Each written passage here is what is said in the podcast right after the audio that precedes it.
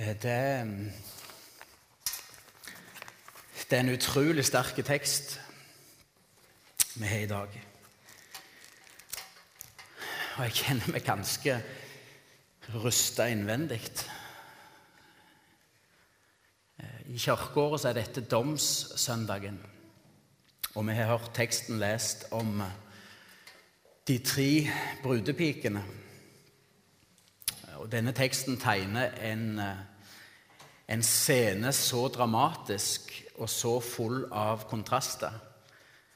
Eh, det er tale om en bryllupsfest. Takk skal du ha.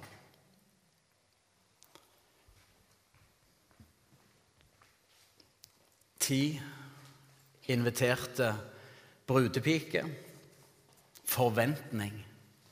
De går ut for å møte brudgommen. Fem av de forbereder seg til det møtet. Og kvelden ender med et skille. Fem slapp inn i festen. Fem møtte ei stengte dør. De venta sammen. Alle trodde de skulle på fest. Sånn gikk det ikke. Jeg ser for meg fortvilelsen, skuffelsen, det fortvilte ropet til til de fem brudepikene som står ut forbi denne stengte døra. Herre, Jesus, slipp oss inn. Og så er døra stengt. De trodde de var klar. De venta på Jesus, men de venta forgjeves. Og I plassen for å høre lyden av en nøkkel som vrir seg rundt, ei dørklinke som blir åpna, så hører de stemmen. Stemmen ifra brudgommen. Jeg kjenner dere ikke. Denne lignelsen det er et rop, et rop ifra himmelen til alle kristne. Vær forberedt. Vær våkne, for du vet ikke den dag brudgommen kommer. Eh, ti brudepiker. Ti kristne. De hadde alle fått eh, invitasjon til bryllupsfest. De hadde gått ut. Om du vil, skilt seg fra verden. De var kalt, de var utvalgt av brudgommen til fest. Se for dere, de var i samme menighet. De drakk, kunne drikke av det samme nattverdbeger. De hørte de samme talene. De sang de samme salmer og sanger. Noen av dem hadde gjerne gått i kor i lag. De leste i den samme Bibelen. De hadde gjort så mye felles. De venta i lag. Og Det var ikke sånn at den ene så på den andre og tenkte men du venter forgjeves. Alle venta, og alle trodde at de var klar til å møte brudgommen. De ti brudepikene det er et bilde på menigheten, på oss kristne. Fem av de var kloke. Fem av de var uforstandige.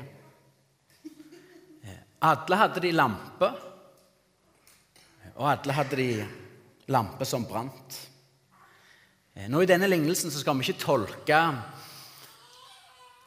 lampene og olja, selv om vi kan legge mye sant og riktig inn i det. Eh, men fem av de, de uforstandige, hadde lamper som brant ut, som slokna i det avgjørende øyeblikk.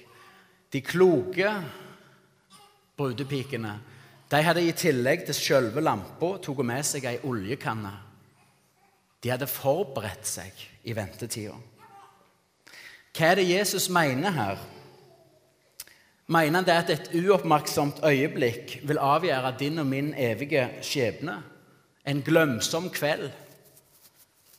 Du glemte ekstra lykt til batteriet, og så møter du ei stengt dør? Nei. Nei og absolutt nei. Å være forberedt og ha oljekanne Eh, det er forskjellen mellom å leve i forberedelse og ikke leve i forberedelse. til å møte Jesus. For det står i vers 10 de som var forberedt, de gikk inn til bryllupsfesten. Alle venta, men bare de kloke forberedte seg. Og Det er den første lærdommen vi skal trekke ut av denne lignelsen. Ventetid i Guds rike. Ventetida som vi nå lever her på jord, det er forberedelsestid. Du som er en kristen, du som er kalt av Jesus, du som er frelst, du som er gått ut for å vente, du lever nå i ei forberedelsestid. Eh, og Det kan være hjelp for å forstå denne lignelsen og tenke på hva Jesus underviste i sin første lange tale i Mattes evangeliet. For det er òg en disippeltale. Det er undervisning til Jesus sine disipler.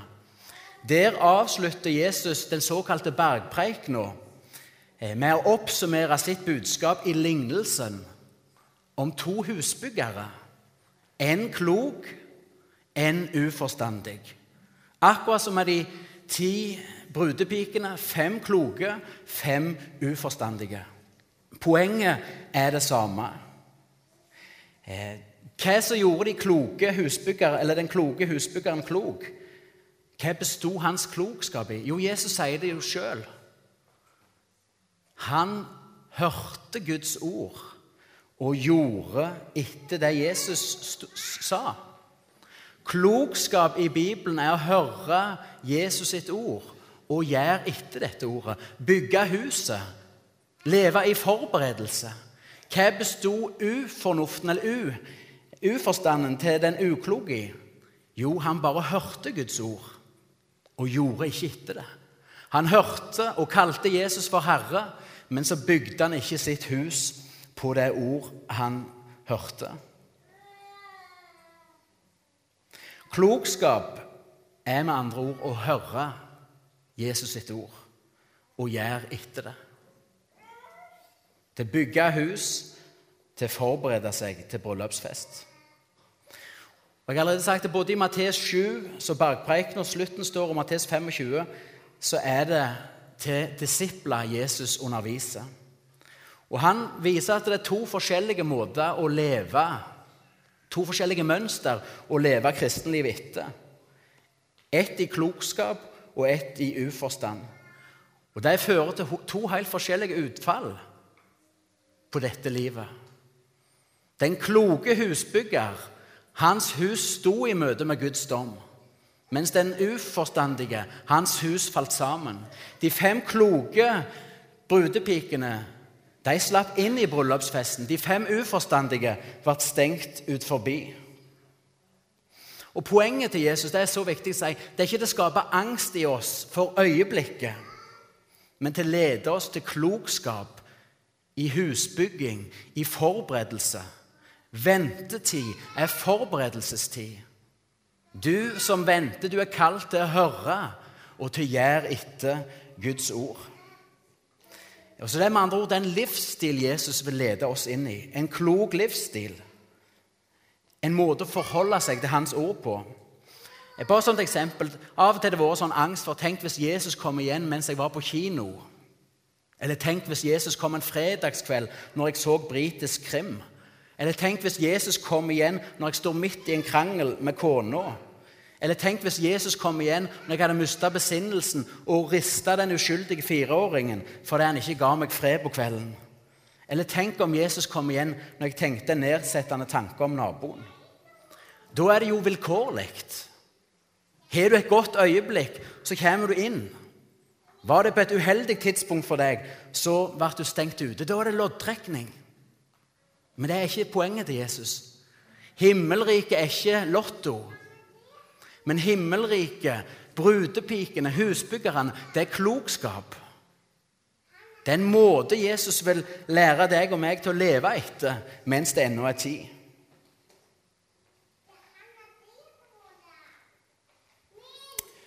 Ved midnatt da hørtes det et rop. Brudgommen kommer. Og Der står det i lignelsen at alle brudepikene hadde sovna. Og Det skal vi ikke tolke og utbrodere annet enn at vi har alle behov for søvn. Vi lever nå i ei ventetid på Jesus, og, hver kveld så har vi behov for å sove. Eh, det hadde også disse brudepikene. Så det er ikke tale om å falle i åndelig søvn, men de sovner alle. De var trøtte. Det drøya før brudgommen kom. Klokka tolv, om du vil i tolvte time, da lyder det et rop 'Brudgommen kommer'. Da våkner alle. Og Det er sånn som det står eh, bl.a. i første Tessaloniker. Erkeengelens rop skal lyde. Det skal støtes i Guds basuner. En dag så skal en mektig stemme lyde. Brudgommen kommer. Jesus kommer. Basunene skal lyde, og alle mennesker vil våkne. Alle mennesker vil se og erfare at brudgommen kommer. Jesus kommer. Og alle disse som venta på denne dagen, alle de ti brudepikene, de tok lampene sine og skulle sjekke flammen og gjøre seg klar til, til marsjen inn i festen. Men det er da de fem uforstandige begynner å forstå uroa. Veien, ilden, er i ferd med å dø ut. Ikke mer olje i, i lampa. Ingen kanne til å fylle på med. Uforberedt. Og Da vender de seg til, til de forstandige, til de kloke, og sa, 'Hjelp oss. La oss få litt av deres olje.' Og Da svarer de noe vi gjerne syns er merkelig. 'Nei, gå heller til kjøpmannen og kjøp.' Vi har, ikke, ikke noe vi kan hjelpe dere med. Og Det forteller oss at din forberedelse den kan ingen andre gjøre for deg. Du er kalt av Jesus til å vente og forberede deg på hans komme.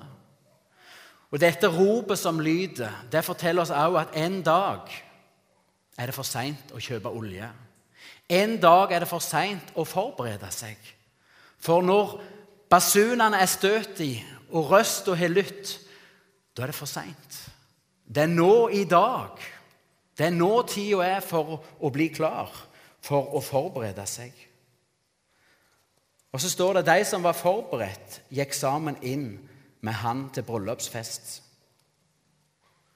Og Da er det naturlig å spørre er du forberedt. Er jeg forberedt? Lever du i forberedelse for den store dagen som skal komme? Og det kan du være sikker på. Jesus skal en dag komme igjen. Som en kristen så er du kalt ut. For å ta lampa di og gått ut for å vente på han. Lever du i forberedelse?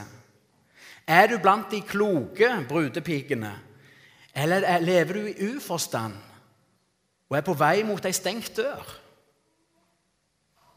Og jeg, skal gi, jeg kjenner et behov for å gi noen testpunkt til oss i dag der vi kan begynne å bedømme livet vårt om jeg lever i forberedelse.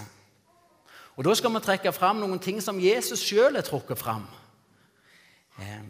For det første forberedelse. Ventetid er forberedelsestid. Og ventetid, det er tjenestetid. Du og meg, vi er frelst til et liv i tjeneste. Det som følger umiddelbart etter lignelsen om brudepikene, det er lignelsen om talenter. Der en mann, en herre, deler ut talent, penger, til sine tjenere, alt etter de evnene de har fått, til å forvalte. Og den tjeneren som spadde sitt talent ned, den tjeneren som var uvirksom i ventetida, hva skjedde med den? Jo, han ble kasta utenfor i mørket. Han møtte til slutt ei stengte dør. Så forberedelse, det er, tjeneste, et liv i tjeneste for Herren. Ventetid er arbeidstid i Guds rike. Og Jesus sier også noe av det samme i kapittel 20 i Mattes evangeliet. For himmelriket er lik en jordeier som gikk ut for å leie arbeidsfolk til arbeidet i vingården sin. Og Samme om de ble kalt i første, andre, tredje eller tolvte time, så ble alle sett til å arbeide i Herrens vingård. Og Noe av det samme blir også løfta fram i kapittel 24 i Matteus evangeliet. Eh, for hvem er den kloke og tro tjener? Jo, det er den tjeneren som Herren finner i gang med det arbeidet som han var sett til å gjøre. Men den tjeneren som er lat og gjør og vet Herrens vilje, men er ulydig mot denne viljen. Som sier det går lenge før han kommer. Som lever livet sitt i nytelse. Lever for seg sjøl. Lever som sin egen herre. Ender med, hvordan ender hans liv? Jo, han blir kasta utforbi. Han møter ei stengt dør.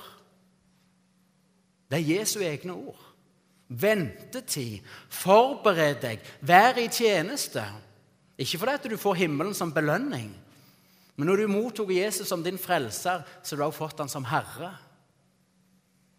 Hvorfor kaller dere meg herre, herre, og gjør ikke det jeg sier? Det er innledelsen til Jesus til fortellingen om de to husbyggerne.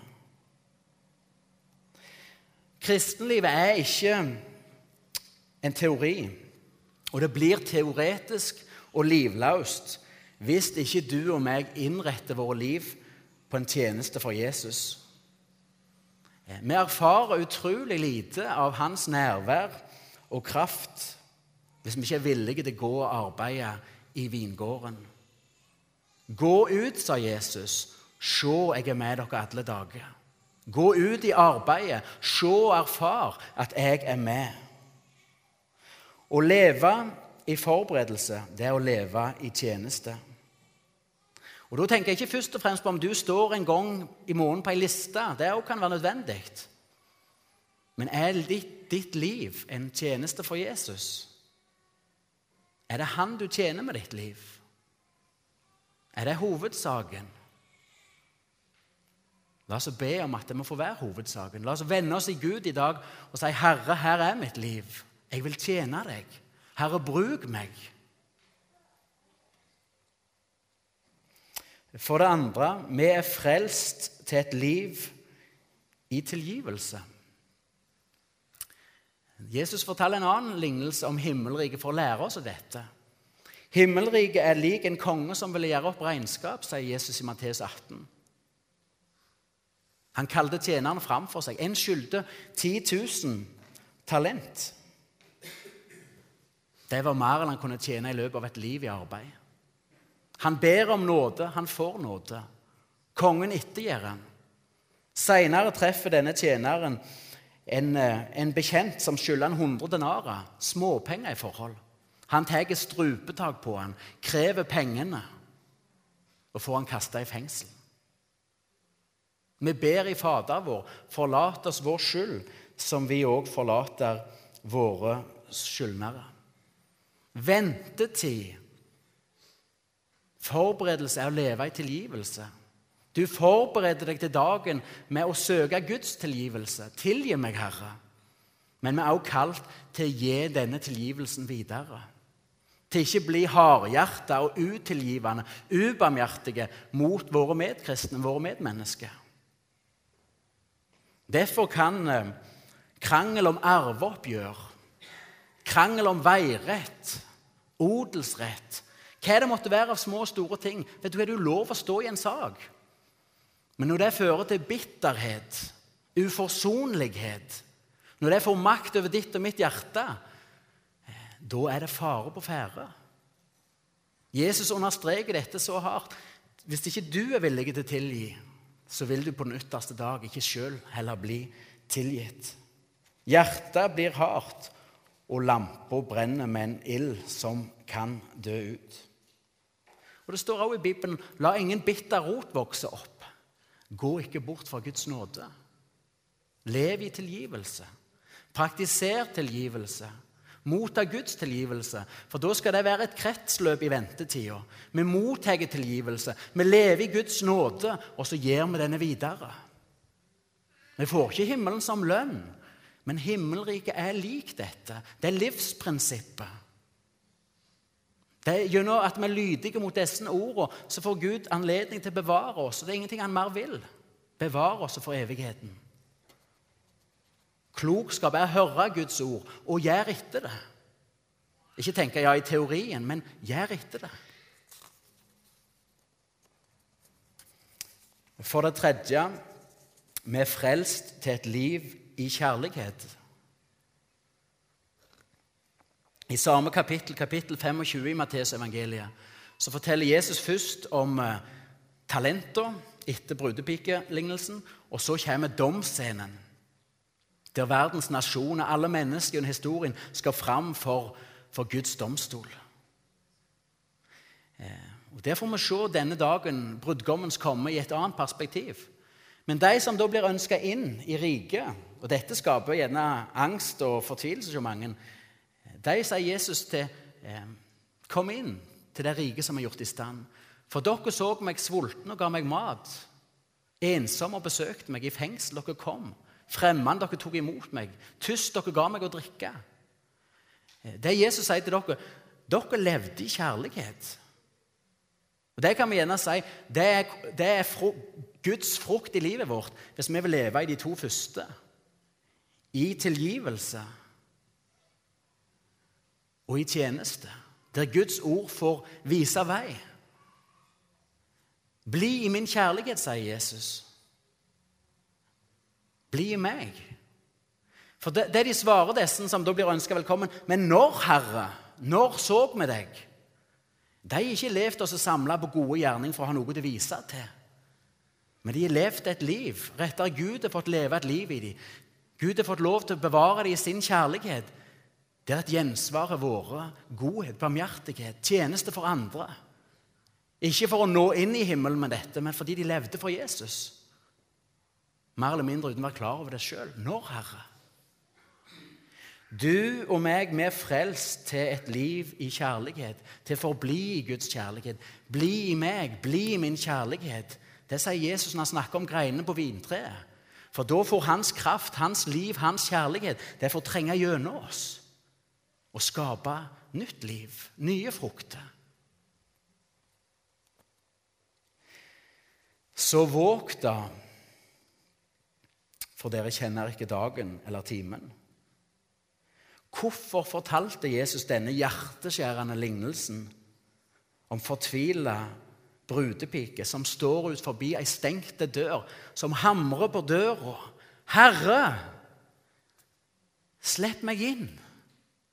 'Herre, du kjenner jo meg.' 'Herre, du husker den dagen jeg tok imot deg.' 'Herre, du husker den dagen jeg gikk ut for å vente på deg.' 'Herre, slipp meg inn.' Gå bort. Jeg kjenner deg ikke.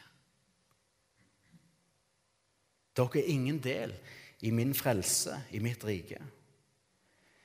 Jesus fortalte ikke først og fremst denne lignelsen for å beskrive en realitet, selv om det dessverre vil være realiteten, kanskje for mange på dommens dag. Men han beskrev dette for å få oss i tide til å velge leve som de kloke. Han fortalte det til sine disipler fordi de skulle leve, våge og forberede seg. Så døra skulle stå på vid vegg. Kristenlivet, det, det er et liv fra innsida og ut. De ti brudepikene de kunne ikke se på hverandre plent og si at du er innenfor, du er ut forbi. De regna seg sjøl og ble, av andre regna for å være kristne. Her For et par uker siden kjørte jeg til Eigersund. Og Da var jeg alene. Det var helt stilt i bilen. Og Det er en god ting å være stille. Og Da var jeg i bønn eller i, i samtale med Gud. Forberedte meg til et møte til folk jeg skulle treffe. Og Da begynner jeg å tenke på farfar min. Han døde i Eigersund. Han var en stor og sterk bonde. Eh, men eh, de ti siste åra gikk han på hjertemedisin, for han hadde hatt et slag.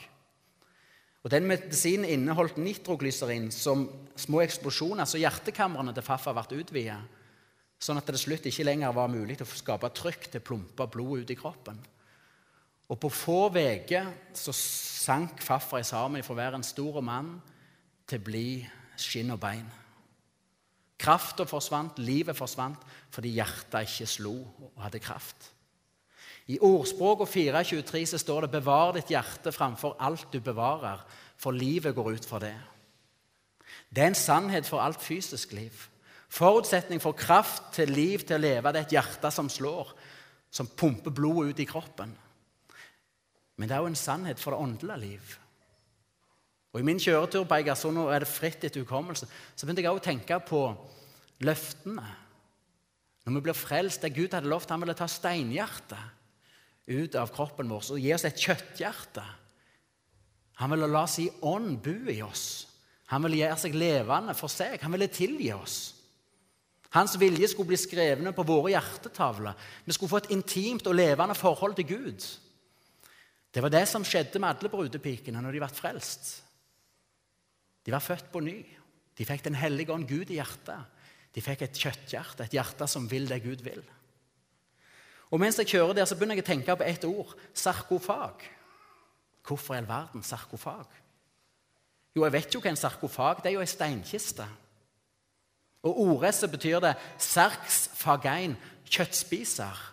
Det er en plass hvor den avdøde blir, ledd, blir lagt for at han skal bli brutt ned. Og I mine tanker så begynte jeg også å tenke på et bilde jeg hadde hatt tidligere.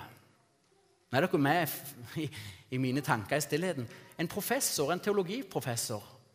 Utrolig dyktig, men jeg hadde sett han i, i, i, mine tanker. Så hadde jeg sett når han var alene, så lå han som død, livløs. Og Så begynte dette å jobbe videre, men så tenkte jeg meg Er det sånn at det liv vi har fått, kan vi bygge steinvegger rundt dette nye livet? Er det sånn at steinhjertet vil ha plassen sin tilbake? At det nye livet Gud har skapt, at de blir trua av steinhjerter som vil ha sin plass tilbake. Bevar ditt hjerte. Det er sant for kristne. Bevar det for Jesus. Forbered deg til møtene. Lev i tilgivelse, så det ikke skal bli steinvegger rundt ditt nye liv.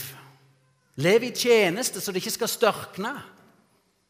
Lev i kjærlighet, så du skal få bli bevart mjuk for ham. For livet ditt går ut ifra det. Og I første kor 1132 så står det når vi blir dømt av Herren, så er det for at vi ikke skal bli fordømt sammen med verden. Jesus fortalte denne historien om brudepikene for at vi skulle bli klar i tide. For at du skulle kunne vende om i dag. For at du skulle slå deg for ditt bryst og si, 'Herre, frels, hjelp meg'. Jesus vil at du skal være ei klok brudepike. Jesus vil at du skal være forberedt, at du skal ha oljekanna. Jesus vil at du i dag skal vende om hvis det trengs. Lev i tilgivelse. Tjen Herren. Lev i Hans kjærlighet. Lev nær til Jesus i dag. Så skal du ikke mangle olje på de lamper den dag han kommer. Da er du klar. For en dag er det for seint.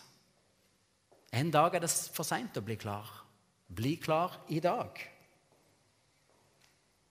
Salme 139 det står det 'Prøv meg, Gud. Prøv mitt hjerte. Kjenn mine tanker. Se meg jeg på fortapelsens vei, og led meg du på evighetens vei. Det er domssøndag. Det er en dag for å prøve seg. For å be Gud om å prøve ditt hjerte. Om det er liv. Om du er klar. For han kan gjøre deg klar. Og Når du sitter hos legen, og han skal lytte på hjertet ditt, da sitter du ikke og klapper eller forteller. Vet du hva, du sitter stille. Så lytter han på hjerterytmen. Og så kan du høre det han hører, og han forteller deg det. Bli stille for Herren. Be Han om å prøve deg. Prøve ditt hjerte. Be Han om å lede deg på evighetens vei. La oss be. Og kjære Jesus, jeg takker deg for at du elsker oss, at du ga livet ditt for oss, for at vi skulle kunne gå ut og, og vente på deg, ha del i et nytt liv, være tilgitt, ha fått Den hellige ånd inn i våre hjerter. Og Jesus, jeg ber om at vi må være vakne, at vi må leve som kloke brudepiker og kloke husbyggere. At vi må forberede oss mens vi venter. At du, Herre, må få lede oss ut i vingården, så vi tjener deg med våre liv. At vi lever i din tilgivelse og gir videre. At vi blir i din kjærlighet. At du får bevare våre hjerter for deg. Og Jesus, jeg ber også for de som trenger å, å våkne. De som trenger å skaffe seg ei oljekanne i dag. Jeg ber om at de må høre din røst.